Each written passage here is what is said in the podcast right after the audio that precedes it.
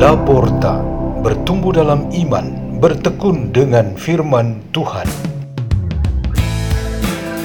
Radio Laporta, pintu terbuka bagimu untuk pertumbuhan pengetahuan dan kebijaksanaan tentang Allah.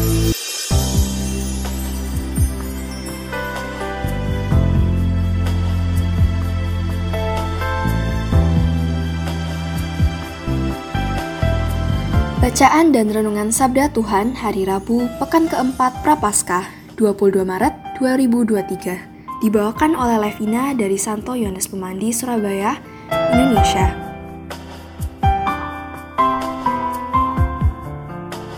Inilah Injil Suci menurut Yohanes. Sekali peristiwa, Yesus berkata kepada orang-orang Yahudi, Bapakku bekerja sampai sekarang, maka aku pun bekerja juga. Karena perkataan itu, orang-orang Yahudi lebih berusaha lagi untuk membunuh Yesus. Bukan saja karena ia meniadakan hari Sabat, tetapi juga karena ia mengatakan bahwa Allah adalah Bapaknya sendiri, dan dengan demikian menyamakan dirinya dengan Allah. Maka Yesus menjawab mereka, Aku berkata kepadamu, sesungguhnya anak tidak dapat mengerjakan sesuatu dari dirinya sendiri, jikalau ia tidak melihat Bapa mengerjakannya.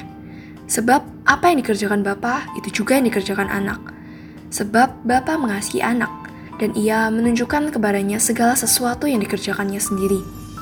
Bahkan ia akan menunjukkan kepadanya pekerjaan yang lebih besar lagi daripada pekerjaan-pekerjaan itu. Sehingga kamu menjadi heran. Sebab sama seperti Bapa membangkitkan orang-orang mati dan menghidupkannya, demikian juga anak menghidupkan siapa saja yang dikehendakinya. Bapa tidak menghakimi siapa pun, melainkan telah menyerahkan penghakiman itu seluruhnya kepada anak, supaya semua orang menghormati anak sama seperti mereka menghormati Bapa. Barang siapa tidak menghormati anak, ia juga tidak menghormati Bapa yang mengutus dia. Aku berkata kepadamu, sungguh, barang siapa mendengar perkataanku dan percaya kepada dia yang mengutus aku, ia mempunyai hidup yang kekal dan tidak turut dihukum, sebab ia sudah pindah dari dalam maut ke dalam hidup. Aku berkata kepadamu, sungguh saatnya akan tiba dan sudah tiba, bahwa orang-orang mati akan mendengar suara anak Allah, dan mereka yang mendengarkannya akan hidup. Sebab sama seperti Bapa mempunyai hidup dalam dirinya sendiri, demikian juga diberikannya anak mempunyai hidup dalam dirinya sendiri. Dan Bapa telah memberikan kuasa kepada anak untuk menghakimi, karena ia adalah anak manusia. Demikianlah sabda Tuhan.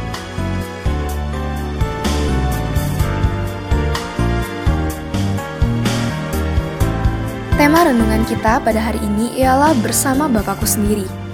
Yesus membela dirinya atas tuduhan para musuh kalau ia mengucat Allah karena menyamakan diri dengan Allah. Dengan tegas ia berkata, Allah adalah Bapaknya sendiri. Seluruh uraian dalam pembelaan ini berpusat pada kebenaran bahwa ia hidup bersama dengan Bapaknya sendiri. Karena kita adalah bagian dari Yesus yang membuat kita saudara-saudarinya, kita layak menyerukan ungkapan ini aku berada bersama Bapakku sendiri, atau kita berada bersama Bapak kita sendiri. Kita tidak merasa asing dan takut.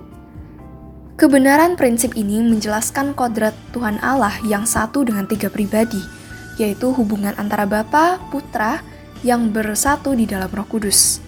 Orang-orang Farisi dan para ahli Taurat tidak dapat memahami persekutuan ini seperti kita. Cara pandang dan paham kita berbeda. Inti perbedaannya ialah pada menerima dan percaya akan Yesus Kristus orang Nazaret itu. Kita menerima dan percaya kepadanya, sehingga konsekuensi logisnya ialah percaya juga kepada Tritunggal Allah. Sebaliknya, mereka tidak menerima dan percaya kepada Yesus dari Nazaret, maka mereka juga tidak percaya kepada Tritunggal Allah. Hidup dan tinggal bersama Bapa sendiri membuat Yesus tampil begitu perkasa dan maha kuasa di atas kekuasaan yang berseberangan dengan Tuhan. Bersama Yesus, kita diikut sertakan atau diadopsi untuk berada dan tinggal bersama Bapa yang ada di surga. Buah pengadopsian ini ialah penganugerahan rahmat istimewa sebagai anak-anak yang terkasih. Nabi Yesaya menyebutnya seperti ini, Aku telah membentuk dan memberi engkau menjadi perjanjian bagi umat manusia untuk membangun bumi kembali. Dengan karunia itu, kerajaan Allah hadir di dunia, Kita sebagai gereja yang telah ditetapkan menjadi bagian di dalam kerajaan ini, kini ikut meminggul tanggung jawab penting untuk membaharui wajah bumi ini dari waktu ke waktu dengan bantuan Roh Kudus tentunya. Setiap kali kita berdoa memohon pertolongan Roh Kudus, bunyi doa kita ialah, "Datanglah ya Roh Kudus dan baharulia muka bumi ini." Untuk menghadap berbagai masalah di dunia ini, nasihatnya ialah supaya kita memanfaatkan kekuatan kita berada bersama dengan Bapa kita sendiri.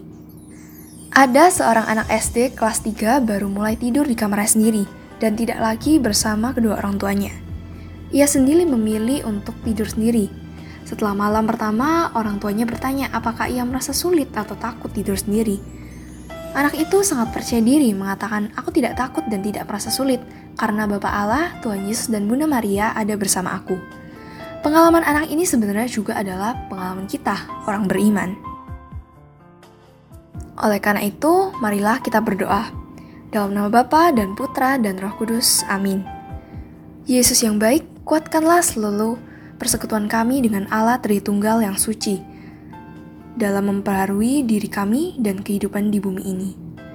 Kemuliaan kepada Bapa dan Putra dan Roh Kudus, seperti pada permulaan, sekarang, selalu, dan sepanjang segala abad. Amin.